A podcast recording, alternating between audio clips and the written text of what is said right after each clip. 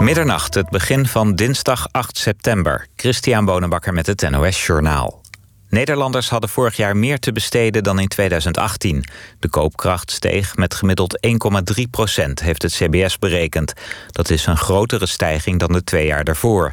Werknemers gingen er het meest op vooruit, 2,5 procent, mede doordat de cao-lonen flink stegen. Gepensioneerden en bijstandsgerechtigden zagen hun koopkracht met ongeveer een half procent toenemen. De cijfers van zelfstandigen zijn nog niet bekend. Verder gingen mensen met kinderen er meer op vooruit dan mensen zonder kinderen. Een partijbijeenkomst van Forum voor Democratie is de afgelopen avond hectisch verlopen doordat er sprake leek van een veiligheidsrisico. Volgens de politie waren er signalen dat mensen de orde wilden verstoren. Partijleider Baudet werd weggeleid en kwam pas een uur later terug. De politie heeft buiten het gebouw drie mensen gecontroleerd, maar die bleken geen kwaad in de zin te hebben.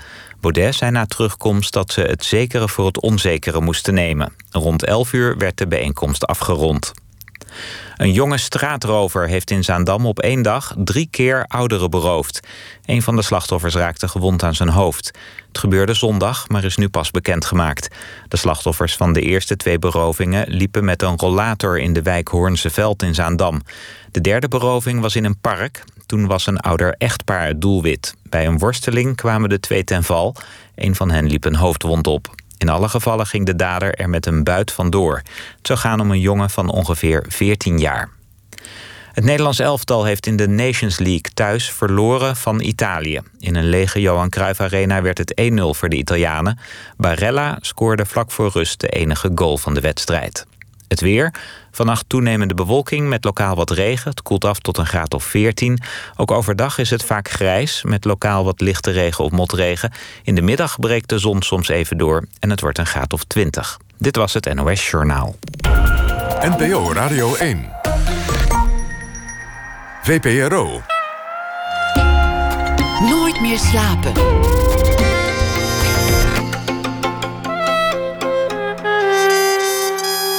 Met Pieter van der Wielen.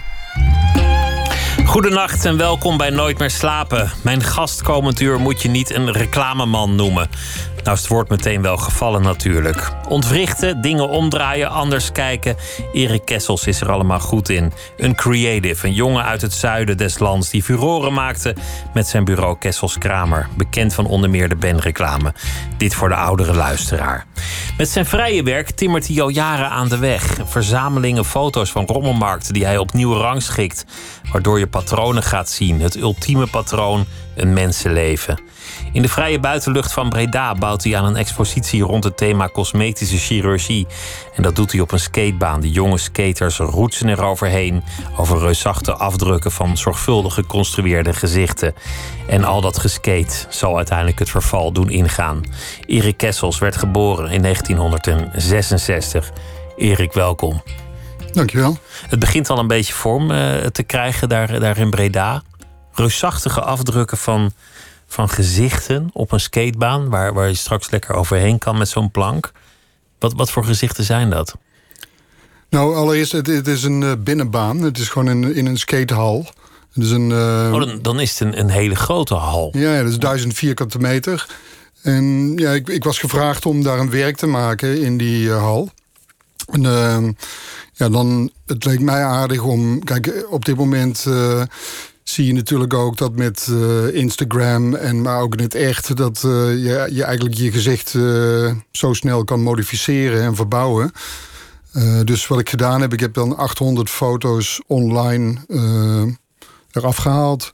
En daar heb ik weer zeg maar 60 nieuwe vrouwengezichten mee. Dat is een algoritme wat dat samenstelt. En die gezichten zijn dan iets van Eén gezicht is 5 bij 5 meter. En er is een grid van 60 gezichten... wat dan over die uh, skatehal als een uh, vinylsticker geplakt wordt. En daar kunnen dan skaters overheen... en gaande door de weken heen...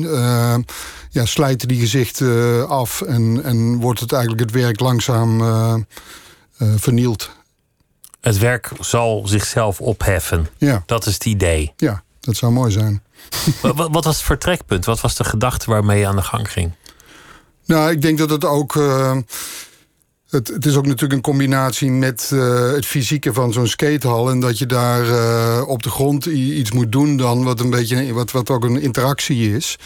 En uh, nou ja, mijn, ik heb wel echt een soort uh, fascinatie ook hoe mensen tegenwoordig hun eigen selfies maken. Hoe ze die weer modificeren, hoe ze de filter eroverheen kunnen halen. En hoe ze heel snel de lippen dikker kunnen maken. En ja, dat, heel veel van die onderwerpen en series... die zitten dan in mijn achterhoofd. En, en die heb ik er ergens zitten. En dan, als er zo'n mogelijkheid is... dan, ja, in dit geval ging dat goed samen. Ik heb een andere keer ook een installatie gemaakt... vergelijkbaar met allemaal foto's van mensen. Want het is als je bijvoorbeeld... I'm bored googelt, van ik ben verveeld... En dan zie je dat heel veel mensen foto's van hun voeten maken. Gewoon omdat ze verveeld zijn. Dus daar had ik uh, binnen no time iets van 4000 uh, eh, foto's gevonden op, op Flickr. Zo'n fotosharing uh, site. En nou, toen die afgedrukt op waren grootte. Dus dan konden mensen weer in die installatie lopen op andermans voeten. En dan daar ook weer foto's van maken. Dus ja, vaak het hangt ook af welke, welke omgeving je hebt en hoe je zeg maar, een soort contrast kan maken met een installatie. Dus je brengt de virtuele wereld, de droomwereld, terug in de werkelijkheid. Net als die cosmetisch chirurg dat doet. Want je, want je legt een filter over je gezicht op instaan. Dan lijkt je mond wat voller, glanzender. En op een dag is dat de norm geworden. Gaan mensen naar een chirurg en zeggen... Zo moet het eruit zien. Zo wil ik het hebben. Ja, dus dat is ook het bizarre tegenwoordig. Dat je eigenlijk met je. Je, je kan zelf. Uh, je setkaartje maken van hoe je het, of je afbeelding maken hoe je het uh, wil hebben. En uh, ja, die twee dingen komen steeds dichter bij elkaar. Dat, dat, het gekke is ook bijvoorbeeld, je, je ziet het ook wel in, met andere dingen, bijvoorbeeld iets heel anders met Formule 1 of zo. Eh, als je ziet hoe een eh, wedstrijd verslagen wordt, is bijna zo dichtbij hoe je een computerspel, hoe je daarin kan spelen in een Formule 1 computerspel, dat het, het, het, is bijna hetzelfde. Dus het, de, de, echte Formule 1 en wat je zelf dan virtueel meemaakt als je achter zo'n joystick zit. Ja, ik denk dat die twee, die, die virtuele en de werkelijke wereld, komt steeds dichter bij elkaar op, die, op, op, op dat vlak omdat ons brein ook niet echt in staat is het onderscheid langdurig te maken. Ja, dat het, het zal werkelijkheid worden. Het is altijd de vraag: eh, imiteert kunst het leven of andersom? En jij brengt eigenlijk de, de imitatie weer terug naar de kunst, weer de werkelijkheid in. Wat natuurlijk al geen werkelijkheid is, want het is weer jouw constructie. Maar, maar je speelt daarmee. Ja, en, en kijk, ik denk ook wel Even los van dat specifieke onderwerp, maar de interactie vind ik ook wel interessant. Dat, uh, kijk, je, je kan tegenwoordig zoveel meer met materialen en met uh, installaties en het bouwen van dingen. Dat, uh, um, ja, dat, dat, ik vind het ook wel interessant dat er, er, er, er, zijn kijkers, maar er zijn ook mensen die er in, in die installatie meedoen. En ja, dat, dat kijk ja, je hebt ook tentoonstellingen waar dingen aan de muur hangen over mooi ingelijste dingen. Maar het is natuurlijk ook wel aardig om juist weer te kijken hoe kun je zoiets oprekken. En, wat doet de bezoeker eigenlijk met dat werk? Wat, wat gebeurt er eigenlijk als duizenden mensen daar ja, langs lopen? Ja, ik heb een keer een werk gemaakt dat heet 24 Hours of Photos, waarbij. Uh, eh, 24 uur, ik heb 24 uur foto's gedownload die geüpload werden in die periode op Flickr ook. En er waren er uiteindelijk uh, uh, 950.000. En er was gewoon een kastje wat aan de computer zat. Dat, daar gingen alle uh, foto's die nieuw geüpload werden door een onbekend iemand.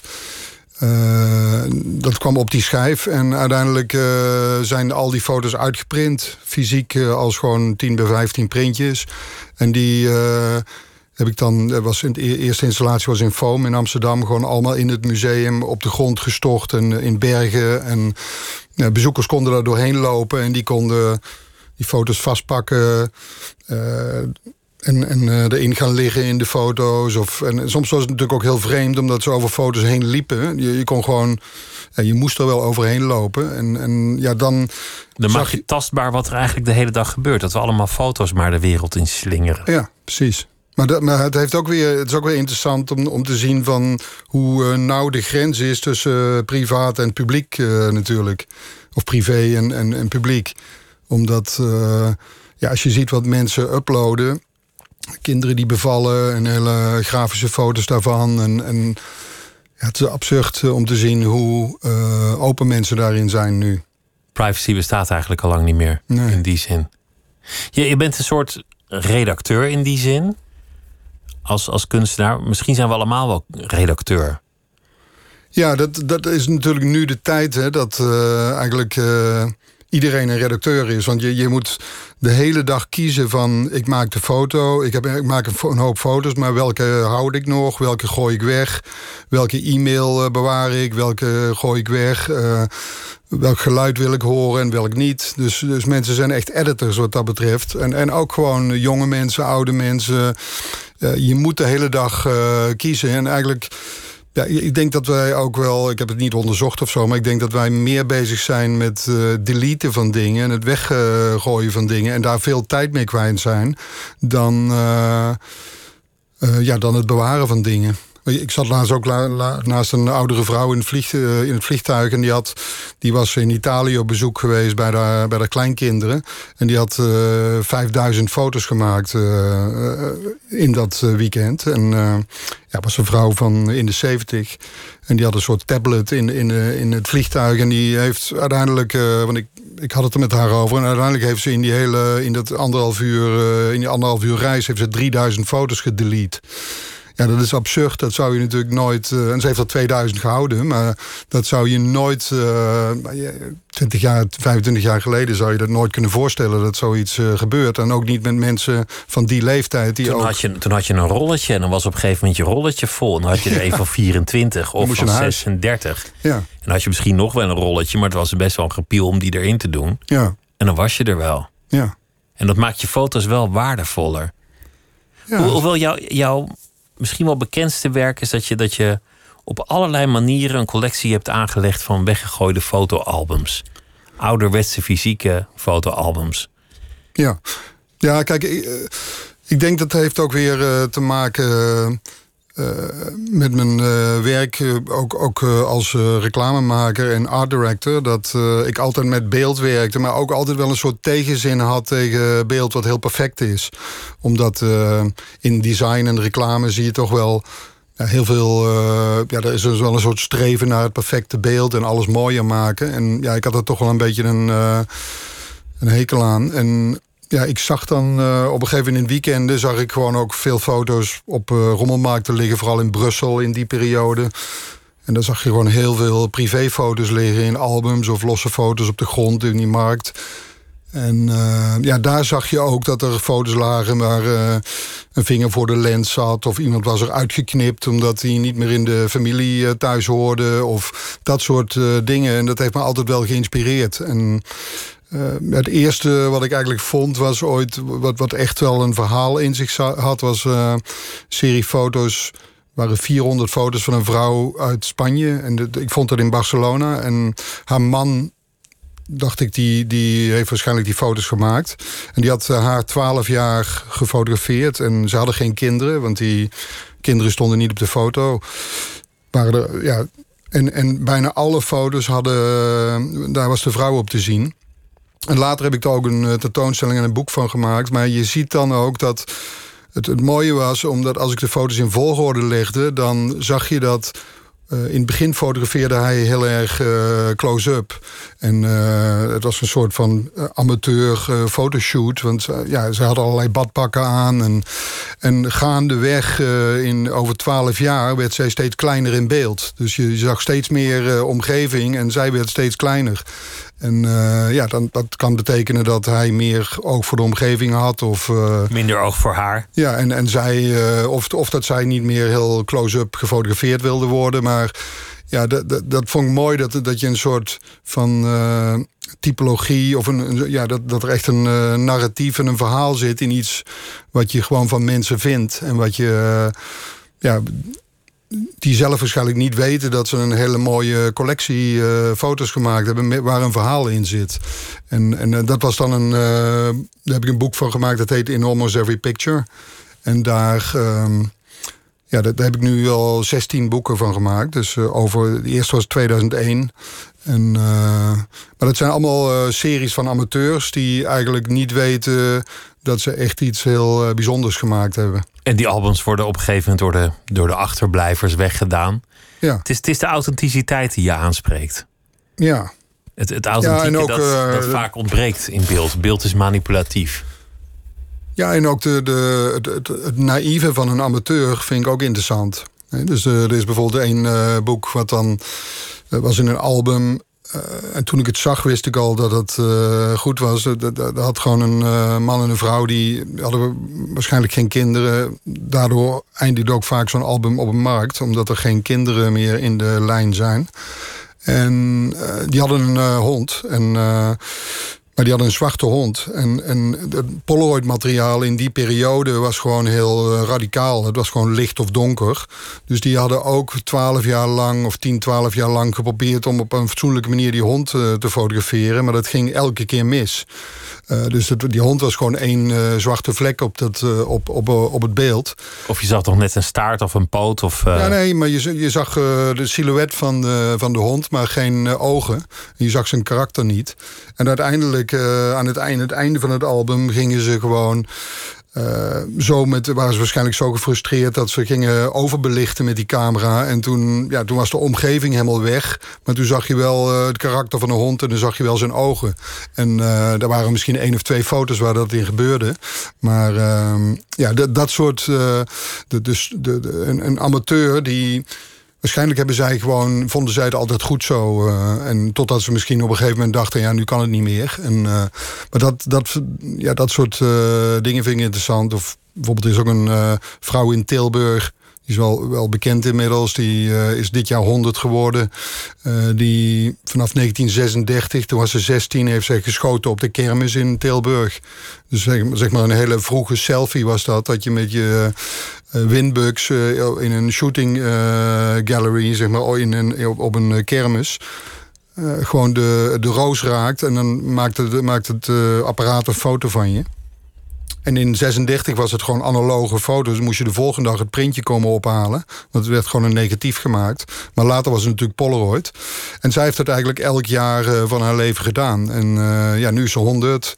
Woont in Ria van Dijk heet zij. Zij, woont in een verzorgingstehuis. En uh, in juli was ze 100 en er kon natuurlijk, er was geen kermis in Tilburg.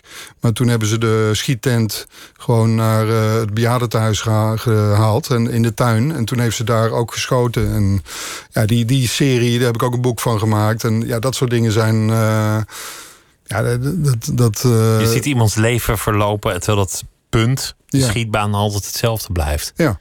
Ik vraag me dan ook af of je beter wordt als je dat elk jaar doet, of juist slechter. Want je wordt ouder, maar ook meer ervaren. Ja, dat is een er moet een soort ja. optimaal punt zijn ergens. Ja, op dit moment uh, moeten wel een paar mensen dit, het geweer een klein beetje ondersteunen. Want uh, anders gaat het alle kanten uit. Maar, uh, maar ze heeft toch, geloof ik, na drie keer schoot ze weer raak dit jaar. Dus, nou, met 100, dat is een, dat is een hele prestatie. Ja. Authenticiteit speelt altijd een rol. Beeld speelt altijd een rol in jouw leven. Maar ook creativiteit. Dingen omdraaien, dingen... dingen anders zien. Even van context veranderen. Kijken hoe je er op een andere manier tegenaan kan, kan kijken. Ja, de... Was, was je als kind al zo eigenlijk? Was het, was het al iets wat je, wat je toen deed? Mm, ja, ik, ik, ik weet niet. Uh, ja, ik heb een beetje een gekke jeugd gehad. Omdat uh, toen ik elf was, uh, is mijn zus overleden. Die was negen.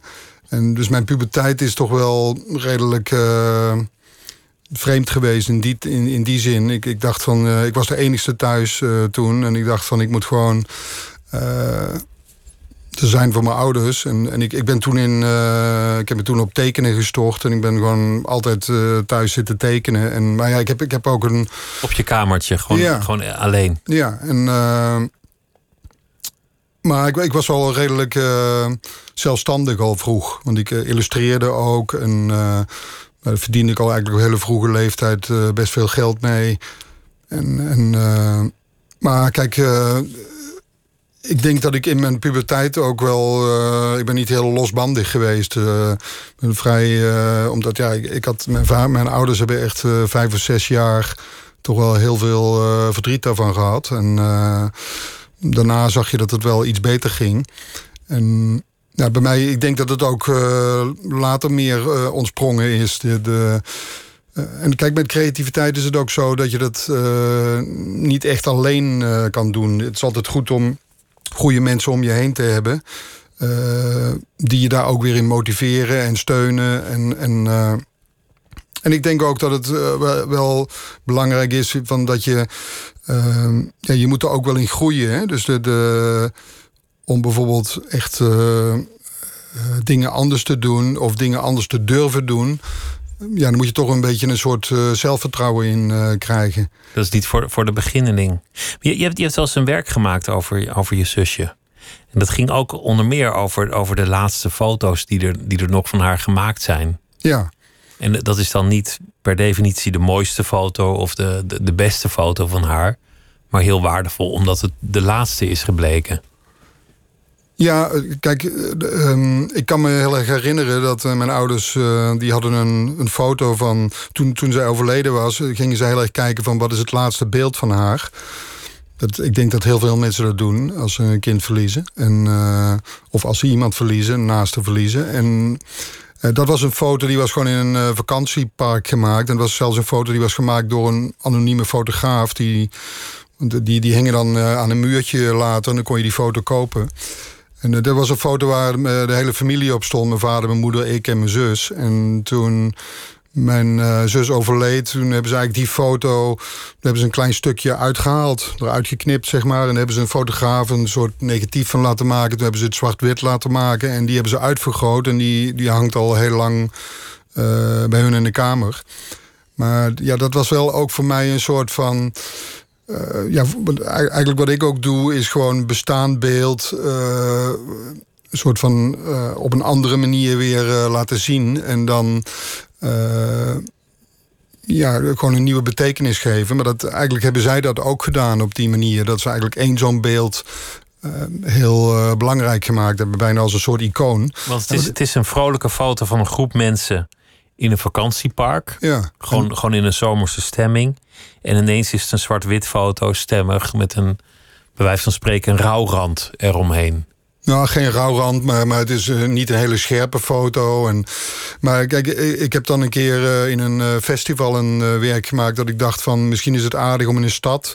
dat heel veel mensen steeds hetzelfde beeld tegenkomen. Dus dan heb ik het, die foto van mijn zus steeds daarvoor gebruikt. Als posters in bushokjes, grote doeken op uh, gebouwen, foto's in de krant. zonder, en er stond nergens stond, zeg maar, bij waar, wat dit was. Maar het was eigenlijk meer bedoeld om bijna het tegenovergestelde van die enorme bergfoto's, van de 24 hours of foto's, om, om gewoon een keer ook bij één beeld te pauzeren. Omdat ja, wij zien zoveel beeld. ik geloof dat wij nu voor de lunch zien wij meer beelden dan iemand in de 18e eeuw in zijn hele leven zag.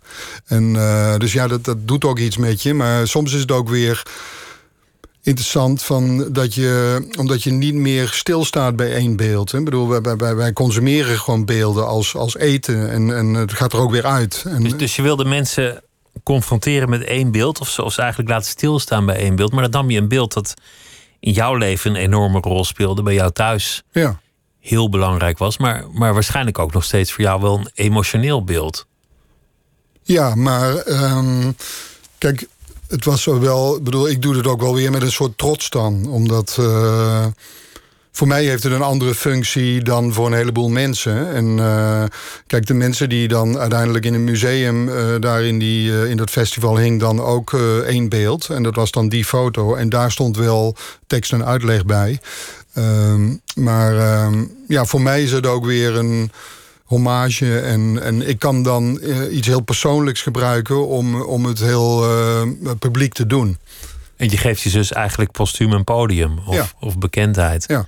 Want, want er was, het was heel banaal eigenlijk. Zoals de dood banaal is. Het was een, een automobilist verblind door het zonlicht. Ja. En die zag het stoplicht niet. Ja, en, uh, ja, en zij stak over met de fiets aan de hand. En, en zij was negen. En mijn moeder stond aan de overkant te wachten op haar. Dus dat was gewoon, ja, dat, was gewoon heftig. En, Maar wij waren allebei, uh, wij waren, het gekke was ook nog, we, gingen allebei naar een tekenwedstrijd. Het was in oktober.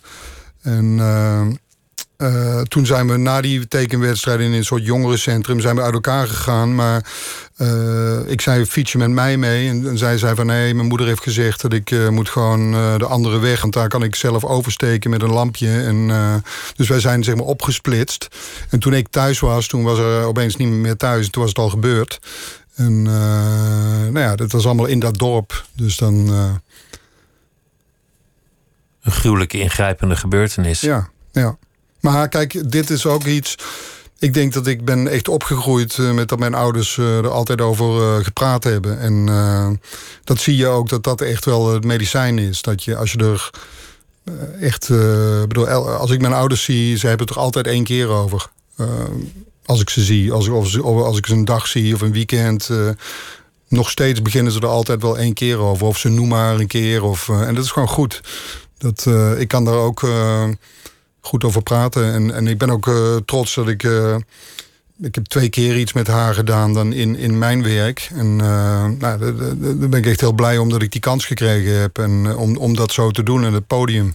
Want het andere was ook, ook met een, een filmpje waarin jullie aan het, hoe heet het, pingpongen waren. Ja, ja dat was een soort het idee was om een soort blind date te organiseren tussen drie uh, kunstenaars. En, en, uh, of met verschillende disciplines, mensen. Dus er was dan uh, Richie Sakamoto, die componist, Marlene Dumas en ik. En, en, en er was een soort estafette-project. Dus uiteindelijk is het dan geworden dat Marlene Dumas heeft een film gemaakt over haar dochter. Uh, en uh, ik heb een film gemaakt over mijn zus. En, en Sakamoto heeft daar het uh, geluid bij gemaakt. Maar dat, is, dat was ook een. Kijk, ik had Marlene Dumas een filmcamera gegeven. Want ze had nog nooit gefilmd. Een Super 8-camera. Dus daar had ze een filmpje van haar, zus, van haar dochter gemaakt. Daar kwam het geluid van Sakamoto bij. En toen moest ik eigenlijk meteen aan mijn zus denken. En toen ben ik gaan kijken in het Super 8 materiaal van mijn, van mijn vader, wat mijn vader gemaakt had. Maar dat is ook wel weer gek dat je dan in vijf uur materiaal maar 2,5 minuut. Ik vond maar 2,5 minuut waar wij samen in, uh, waar we toevallig aan pingpongen. En, en, maar dat, dat vind ik dan ook wel weer interessant uh, om dan uh, dat weer te zien. Dat, ja mensen met een camera of een filmcamera en analoog en mannen die dan op, op uh, vakantie uh, filmden of, uh, of foto's maakten. Dat was echt een mannending. Die, de, de, man hield de camera vast. Ja, en uiteindelijk ja, heb ik dat beeld gebruikt en nog wat opgerekt, wat, wat ook goed uitkwam tot 3,5 minuut. En ehm, ja, dat, dat, dat ja, daar is, daar is ook het verhaal onder verteld... wat je op een gegeven moment langzaam voelt aankomen. Want het is een heel alledaags uh, filmpje. En uiteindelijk uh, voel je dat de muziek eigenlijk steeds intenser wordt... of een soort sounddesign. En uh, ja, je voelt toch wel dat er dan iets gebeurt. of gebeurd is. En uiteindelijk, ja, dan lees je dat en... Maar kijk, daar is het weer dat je. Um, ja, het contrast uh, heb ik gemaakt met iets heel alledaags en, en een hele heftige gebeurtenis. En, en hoe je daar. Uh, uh, ja, het is interessant hoe mensen erop reageren en hoe ze dat. langzaam worden ze daar zo in, in meegenomen. Ik vind het interessant dat is zo'n stroom van beelden. Zoals we dat nu over ons heen gestort krijgen. En het zelf ook over, over onszelf en anderen heen storten soms ineens één foto echt bepalend kan zijn. En, en echt een rode draad in je leven kan zijn. Of in andermans leven. Ja, ja dat. Uh,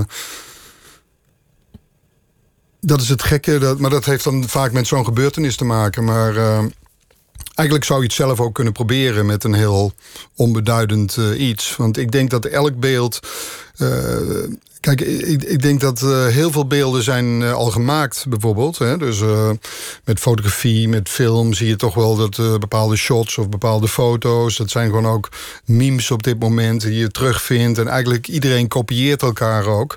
Alleen, ik denk dat als je gewoon een, een enkel beeld neemt... dat in elk beeld wel een, dat er wel een heel mooi verhaal achter zit. Dus ik, ik denk dat niet, nog niet alle verhalen achter de bestaande foto's die er zijn... verteld zijn.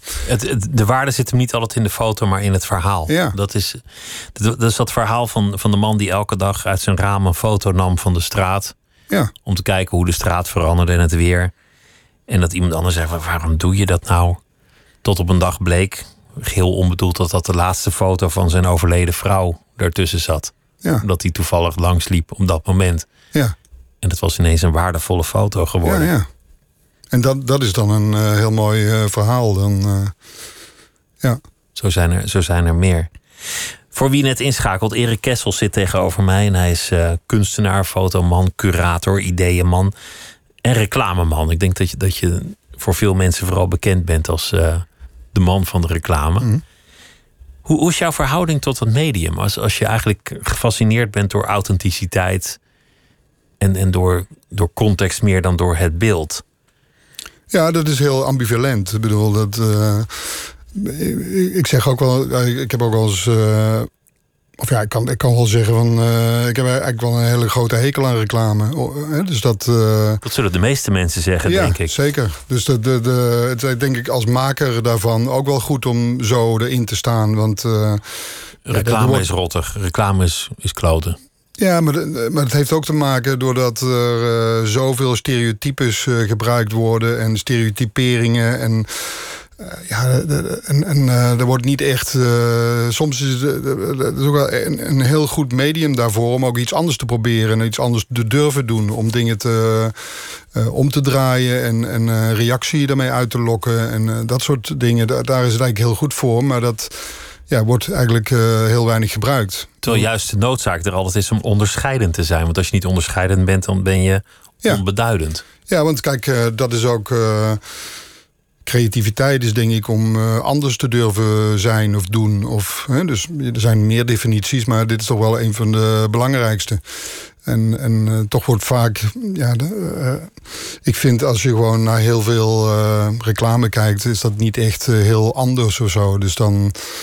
Maar misschien is het ook wel weer goed, want voor mij is het altijd interessant geweest eh, om als, als er eh, een heel groot gedeelte echt heel stereotype is, dan eh, is het voor mij juist, of voor, voor ons, eh, was het altijd wel heel belangrijk om eh, dan een, eh, de, de, de, de niche op te zoeken en daar en, en, en een, een, een terreintje te zoeken wat nog niet echt, eh, waar nog niet echt iets in gebeurd is. En, en daar eh, werk in te maken.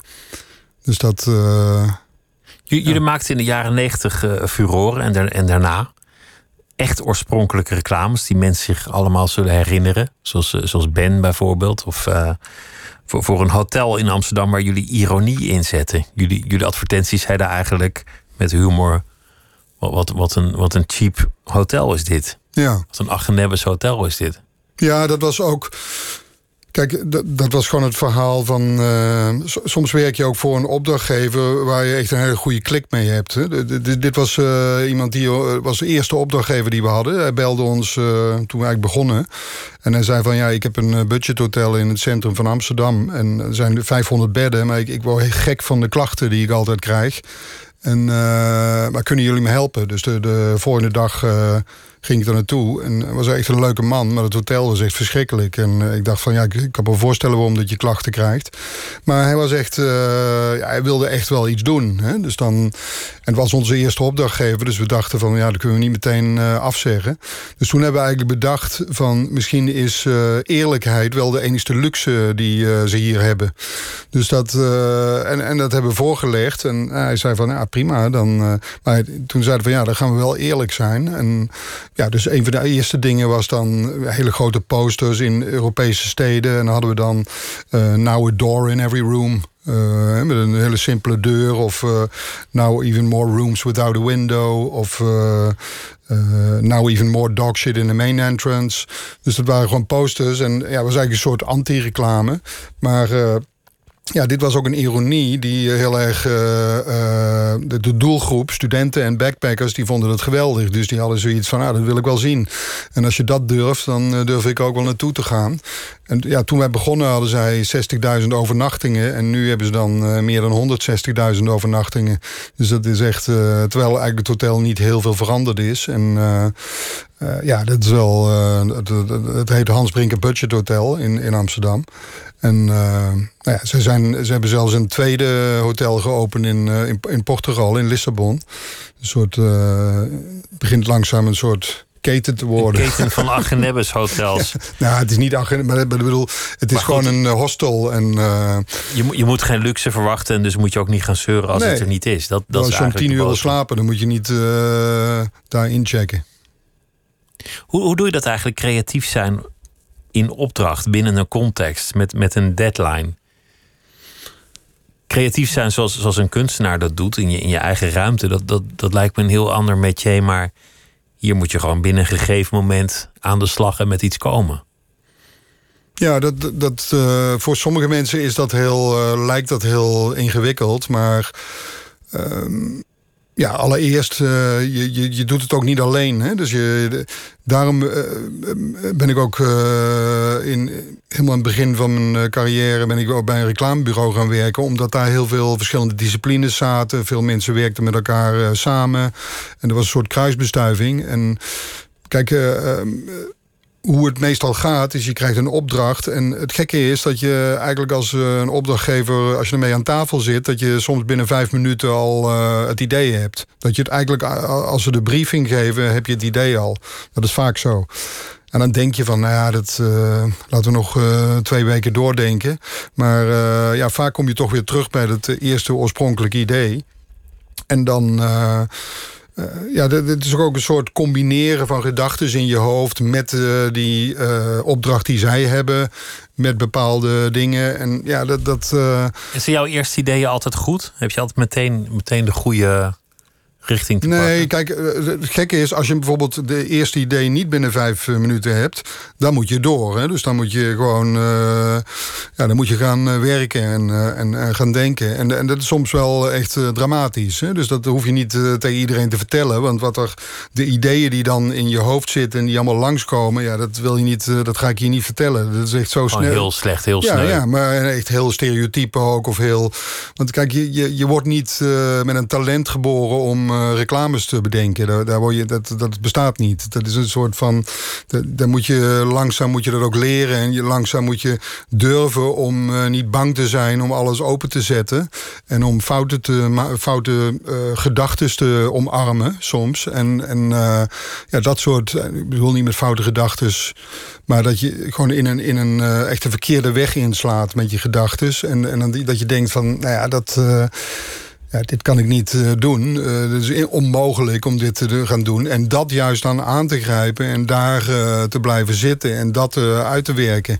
En dat, dat is wel interessant. Maar ja, kijk nogmaals... Dus, dus je moet daarheen waar het eigenlijk pijn doet omdat het zo slecht is... en dat je dan twijfelt aan jezelf en denkt... nou, ik, ik heb het verkeerde vak gekozen. Ik doe het dan wel al 30 jaar, maar eigenlijk kan ik dit helemaal niet. Daar zit het.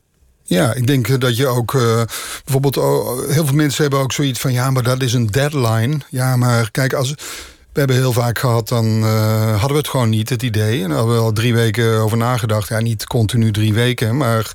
En dan belde je gewoon je opdrachtgever uh, van... Ja, ik, we hebben toch, het is nog niet goed genoeg en we hebben gewoon nog twee weken nodig.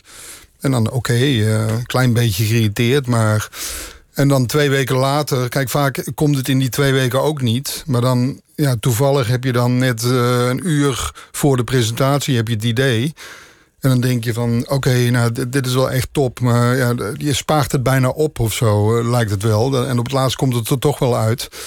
En dan presenteer je het. Maar die, ja, die opdrachtgever weet natuurlijk niet dat je het uh, een uur van tevoren bedacht hebt. Maakt toch niet uit. Maar dan, ja, dat is wel grappig als je dan in een vergadering zit. En uh, zo'n opdrachtgever zegt dan van... Nou, ik vind het wel echt te gek dat jullie nog twee weken extra genomen hebben. Want uh, ja, dat zie je echt aan het werk af. En nou ja, dus eh, kijk, het is ook een, uh, een gek uh, proces. Hè? Dus wanneer het idee komt, dat weet je niet. We hebben ook wel eens gehad, toen kregen we de opdracht van de gemeente Amsterdam om een nieuw thema voor de stad Amsterdam te bedenken. En er waren dan vijf bureaus uitgenodigd.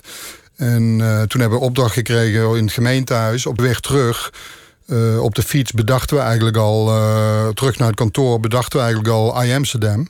En, uh, maar we hadden zoiets, ja, dat kan niet, het is gewoon te snel. Dus we hebben opgezocht, die dag hebben we opgezocht of het al bestond. Dat was niet zo, toen hebben we het geregistreerd. zelf. Hè. Dus voor een bepaald bedrag, best een groot bedrag, hebben we dat toen zo'n soort van vastgelegd. En toen, twee weken later, toen we presenteerden... toen dachten van ja, we, hebben het gewoon. En dat is echt te gek. Dus we hadden een hele goede presentatie. En, uh, maar na die presentatie was iedereen doodstil. En toen, uh, ik zei van, uh, is er iets? En toen, toen zijn vrouw naast me zei van, ja... Eh, het is uh, een beetje pijnlijk om te zeggen, maar die partij die voor jullie gepresenteerd had, had uh, precies hetzelfde. Dus het bleek uiteindelijk dat van de vijf bureaus, er waren er drie die ook AI Amsterdam hadden. Allemaal hetzelfde idee. Allemaal hetzelfde, anders uitgewerkt en anders vormgegeven, maar die hadden allemaal de slogan AI Amsterdam. Het is maar goed dat jullie het hadden vastgelegd. Ja, dat, dat, dat, dat heb ik toen ook gezegd, maar dat, in die vergadering. Maar dat, dat, daar waren ze toch in eerste instantie niet heel blij mee. Maar uiteindelijk hebben ze het onderzocht en getest en toen ik denk dat ze er nu geen uh, spijt van hebben. Dus, uh, die, die, letters zijn wel weer weggehaald op een zeker punt. Dat was nog een soort, uh, soort nieuws. Ja, dat was op het, op het, Museumplein. Museumplein. Maar die letters staan natuurlijk op. Er zijn een aantal sets van die letters die staan op allerlei plekken. En dat thema loopt gewoon nog.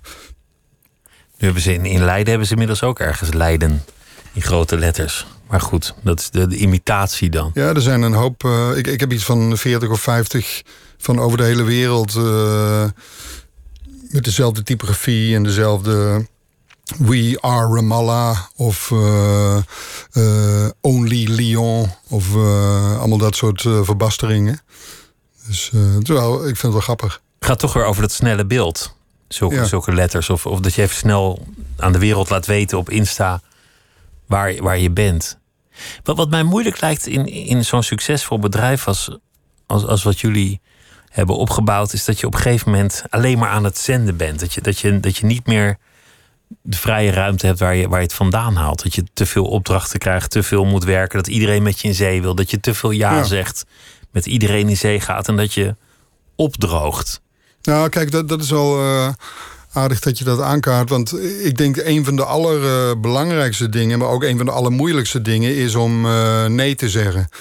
Dus uh, we hebben in het begin ook uh, vaak nee gezegd, omdat we intuïtief dachten van ja, die opdracht past niet bij ons. Ik bedoel, het is geweldig en we kunnen er uh, geld mee verdienen, maar dat is niet voor ons dit. En, en anderen zeiden van je bent gek. En, uh, maar ja, dat, dat is uiteindelijk het, werk wat je in de eerste twee jaar maakt, uh, is bepalend voor de, voor de vijf jaar daarna. En daarmee krijg je ook een soort wortels en, en word je bekend door bepaald werk. Maar zelfs nu is het gewoon echt belangrijk om. Uh, ja, waar je ja en waar je nee tegen zegt. En, en ja, soms is het ook vrij pijnlijk, want ja, je, moet ook geld verdienen en je moet maar ik denk, dat, ja, ik ben wel het meest trots uh, van alles op, op. Ik bedoel, wij doen nu 24 jaar. En, uh, maar we hebben nog nooit werk gemaakt wat de deur uitging. Waarvan ik denk, van, ik, dat wil ik echt niet meer zien, dit werk. Want het was verschrikkelijk. En uh, ik bedoel, alles wat er deur uit is gegaan in die jaren, sta ik nog achter. En, en dat is natuurlijk wel, ja, dat is hard werken. Maar ook... Ehm, ja, we hebben ook soms uh, dat wij een opdrachtgever uh, afzeiden. En dat we zeiden van ja, misschien moeten wij niet meer uh, samenwerken. Want dit, dit, dit, past niet, dit wordt past, niks. Dat leidt nergens toe, ja. Je hebt, je hebt gezegd, je hebt een voor- en een achtertuin nodig. Ja, dat, dat is eigenlijk ook meer van hoe uh, in, in deze snelle tijd met beeld en ideeën. En, uh, en, en, en vooral ook het feit dat in heel veel creatieve vakken is het, uh, het ambacht is, is heel erg gecomprimeerd tegenwoordig. Ik bedoel, je kan heel snel ehm, een soort architect zijn, zeg maar. En, en een, en iets maken wat er heel goed uitziet. Of een vormgever. En eh, en ik pleit altijd wel voor dat... Uh, je, je kan het als een metafoor zien... dat je een voortuin hebt en een achtertuin. En de voortuin is gewoon je etalage. En, en daar uh, heb je, uh, ja, daar toon je je werk in wat af is. Hè. Dat is allemaal opgepoetst en klaar. Maar de achtertuin is eigenlijk iets waar je je voor schaamt. Hè. Er staat een hek omheen meestal. Uh, er liggen onafgemaakte projecten. Ja, dat wil je niet laten zien aan, aan, aan, de, aan de omgeving. En, maar dat is wel een plek waar je gewoon kan experimenteren. Waar je half in je blootje rondloopt. Waar je gewoon... ja, daar pak je gewoon iets op wat, wat je een tijd geleden gemaakt hebt. Of oude ideeën liggen daar.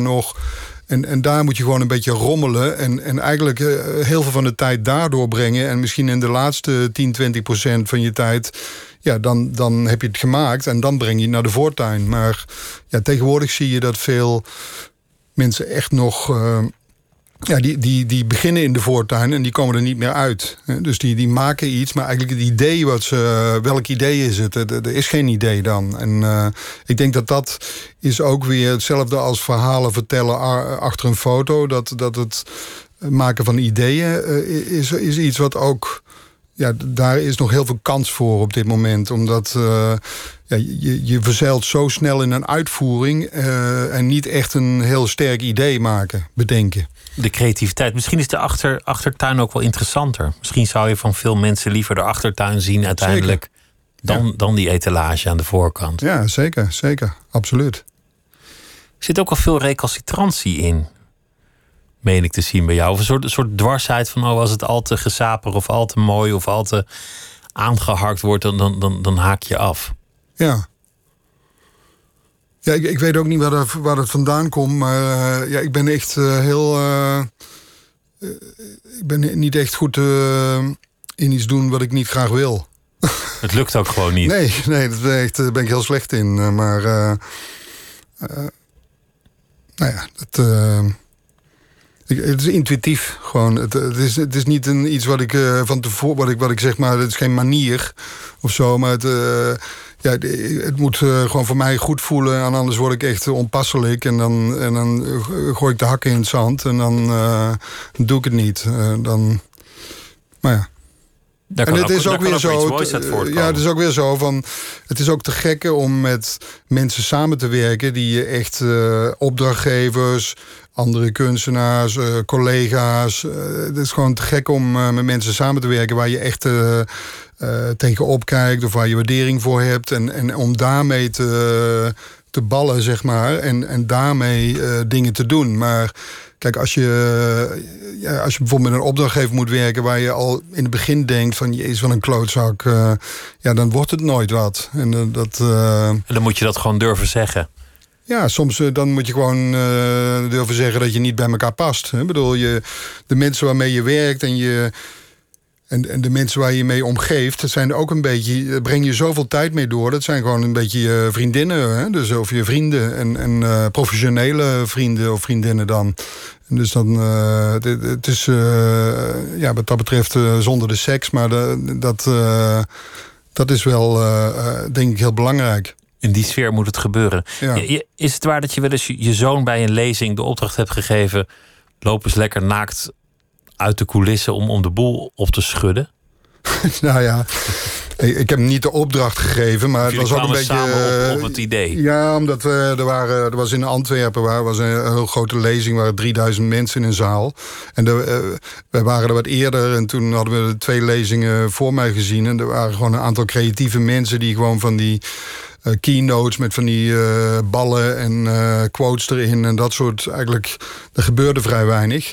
Ja, ik had echt zoiets van, moet nu, want het is een enorm groot podium. En, en mijn zoon was met, met, mij en die, ja, die houdt wel van ook om een beetje te, mensen te laten te confronteren. Dus samen kwamen we zo op dat idee. En, maar ik heb wel gezegd van, luister, als je het wilt doen, dit is de, het moment in mijn lezing waar je dit moet doen. En dan kijk ik gewoon de zaal in en jij rent achter mij naakt, een soort streaker.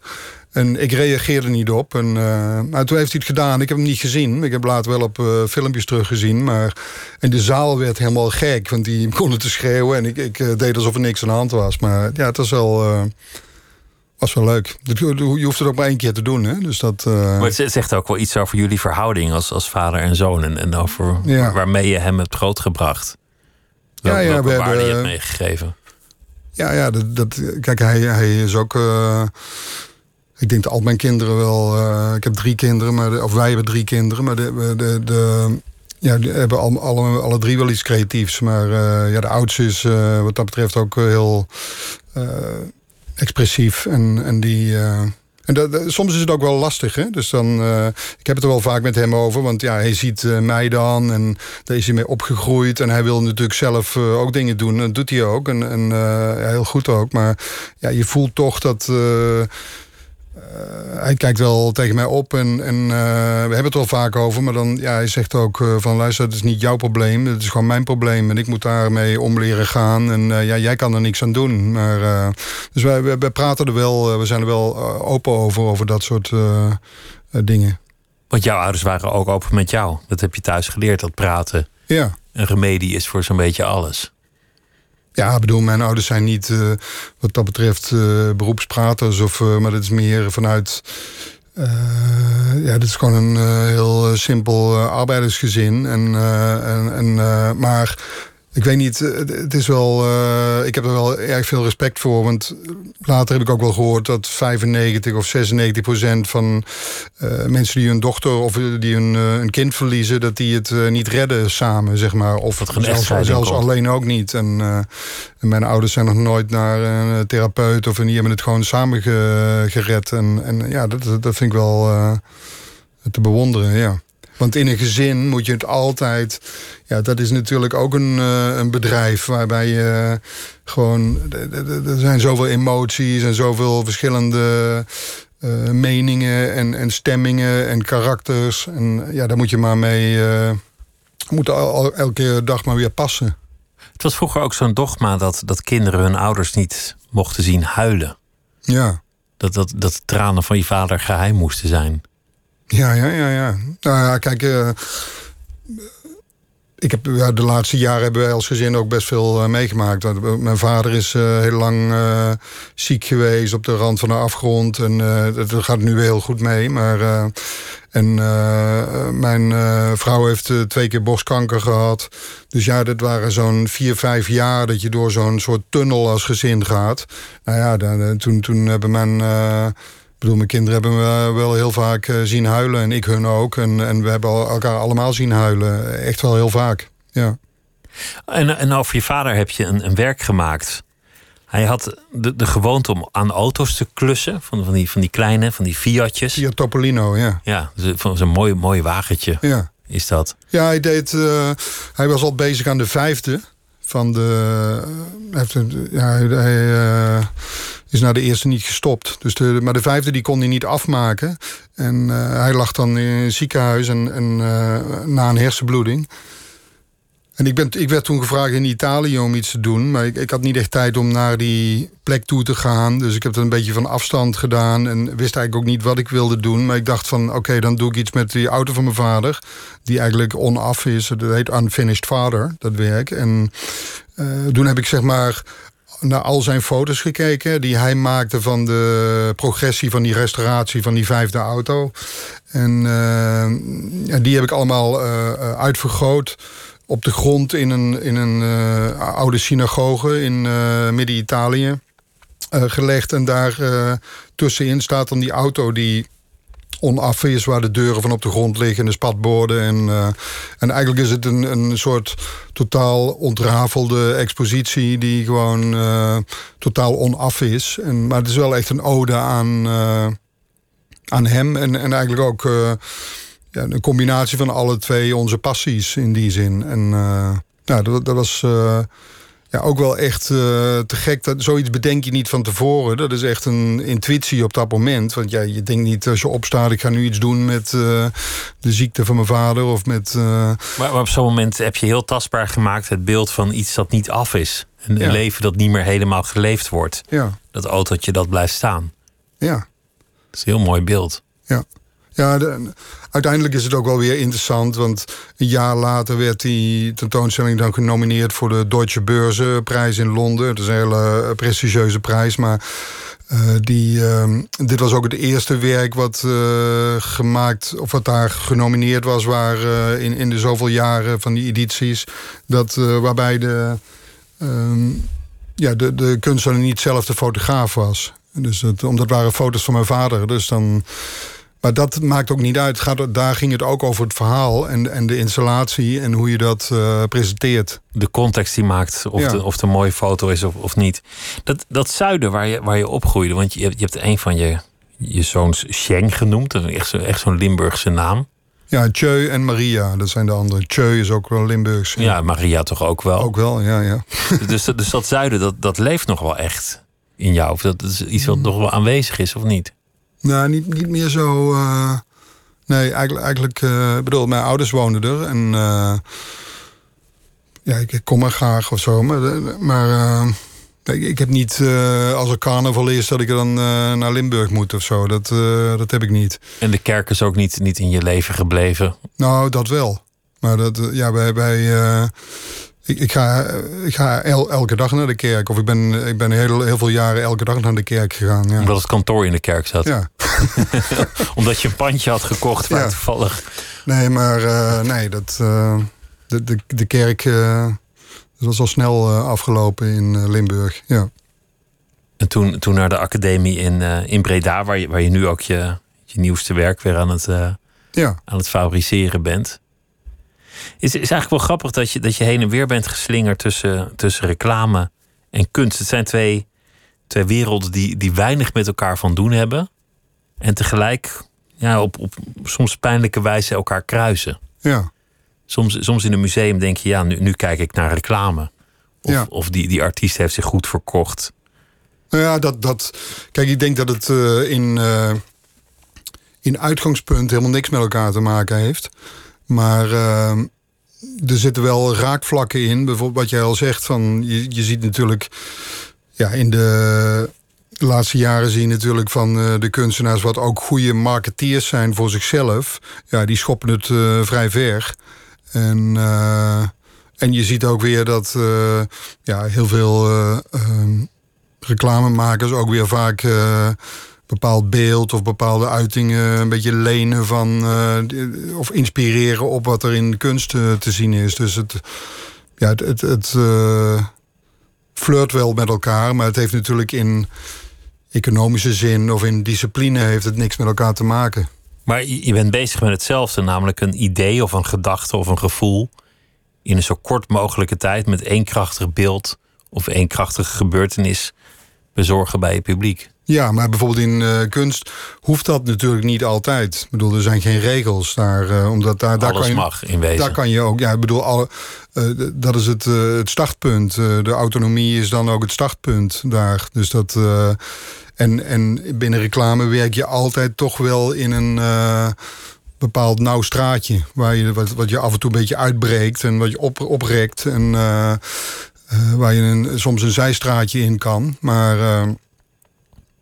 Ja, ik, ik, ik weet niet. Er is ook niet. eh, ik bedoel, eh, eh, ik, ik, ik weet niet of ik de scheiding aanbreng, maar als ik met het een of met het ander bezig ben, is het wel anders werken voor mij. Omdat bij reclame kan je soms de, het onnodige of de stupiditeit van iets of het eh, eh, bizarre idee kan je soms erin sneaken. En, en op een bepaalde manier eh, krijg je het dan voor elkaar. Terwijl dat eigenlijk in kunsten zit iets waar, wat, wat gewoon je startpunt moet zijn, sowieso. En dan moet je nog dieper erin. Dan moet je al beginnen bij het, bij het absurde. Ja, Ik vind het leuk dat, dat, dat ik van veel reclames die ik mooi vond, of goed gemaakt, of, of zelfs ontroerend, bij God niet meer weet wat het product eigenlijk was. Waar- waarmee je ook gaat twijfelen aan de efficiëntie van het, van het hele medium. ja. Dat ik af, Nou ja, oh, dat was zo'n mooie wel- reclame. Waar was die ook alweer voor? Nou ja, er zijn er natuurlijk ook wel heel veel waar je dat wel eh, eh, onthoudt. Dus dan. eh, ik denk dat het niet goed is als je het eh, niet meer onthoudt waar het voor is. Dan, eh, is het, dan heeft het gefaald, denk ik. Maar misschien wel een leuk eh, filmpje of een leuk idee. Maar ik denk wel dat je dat moet kunnen. dat het onlosmakelijk met elkaar verbonden moet zijn. Maar uiteindelijk gaat het jou om, om eigenlijk het zoeken van die ene ruimte waar, waar je dan bij wijze van spreken je kamertje van vroeger, waar je gewoon kan, kan rommelen met dingen. Ja. Waar je, waar je gewoon kan aanfrutten. En dat is denk ik ook wat het gewoon makkelijker maakt. Omdat je, als je jezelf in de stelling brengt om te kunnen rommelen in je hoofd, en in, eh, dan eh, heb je ook ruimte. Terwijl als je gaat denken van nog twee dagen, nog één dag, eh, en, en dan vernauw je. En, het- En dan komt het ook niet meer. Nee. Dan gaat het ook niet lukken. nee. Dus je moet, je moet jezelf eigenlijk daar in vrij wanen, ook al ben je het misschien niet. Doen Ja. alsof die deadline er helemaal niet is. Doen alsof alles nog mogelijk is. Ja, precies. Tot op het laatste moment. En, eh, ja, dat, dat, maar wat ik al zeg, ja, soms komt het gewoon heel snel. En, eh, en soms moet je echt pijnlijk, ervoor, pijnlijk hard ervoor werken. Het is op het uh, fotofestival in uh, Breda dat uh, heden begonnen is. Dat in een overdekte skatehal te, te zien is. Het werk van Erik Kessels rond het perfecte uiterlijk en wat een skater daarmee kan doen. Erik, dankjewel. Het was leuk om je hier te ontvangen. Ja, dankjewel. Het was een, ja. was een genoegen. En zometeen uh, op deze zender uh, Miss Podcast met uh, Misha Blok. En wij zijn ook te beluisteren als podcast. En morgen zit hier Maarten van Rossum. Goeienacht.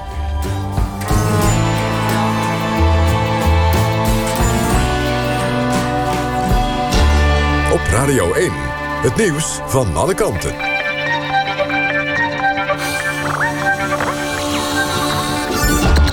NPO Radio 1. 1 uur, Christian Bonenbakker met het NOS Journaal. Het wordt langzaamaan weer drukker in het openbaar vervoer... maar het aantal reizigers is nog lang niet op het oude niveau. Dat blijkt uit cijfers van Translink, het bedrijf... dat het gebruik van de OV-chipkaart registreert. Er zijn nu ongeveer half zoveel reizigers als in dezelfde periode vorig jaar... met uitschieters tot twee derde. Opvallend is dat reizigers zich beter over de dag spreiden. Er zijn minder piektijden. Dat komt onder meer doordat er veel minder woon-werkverkeer is... en doordat onderwijsinstellingen hun lestijden hebben aangepast. De NS verwacht nog lang last te houden van de lagere reizigersaantallen... met minder inkomsten als gevolg. Nederlanders hadden vorig jaar meer te besteden dan in 2018. De koopkracht steeg met gemiddeld 1,3 procent, heeft het CBS berekend. Dat is een grotere stijging dan de twee jaar daarvoor. Werknemers gingen er het meest op vooruit, 2,5 procent. Mede doordat de cao-lonen flink stegen. Gepensioneerden en bijstandsgerechtigden zagen hun koopkracht met ongeveer een half procent toenemen. Verder gingen mensen met kinderen er meer op vooruit dan mensen zonder kinderen. Bij ruim een derde van de huishoudens ging de koopkracht niet omhoog. Bijvoorbeeld doordat mensen hun baan verloren of minder uren gingen werken. Een jonge straatrover heeft in Zaandam op één dag drie keer ouderen beroofd. Gebeurde zondag, maar is nu pas bekendgemaakt. De slachtoffers van de eerste twee berovingen liepen met een rollator in de wijk Hoornse Veld in Zaandam. De derde beroving was in een park. Toen was een ouder echtpaar doelwit. Bij een worsteling kwamen de twee ten val. Een van hen liep een hoofdwond op. In alle gevallen ging de dader er met een buit vandoor. Het zou gaan om een jongen van ongeveer 14 jaar. Het weer. Vannacht toenemende bewolking met lokaal wat regen. Het koelt af tot een graad of 14. Ook overdag is het vaak grijs met lokaal wat lichte regen of motregen. In de middag breekt de zon soms even door en het wordt een graad of 20. Dit was het NOS Journal.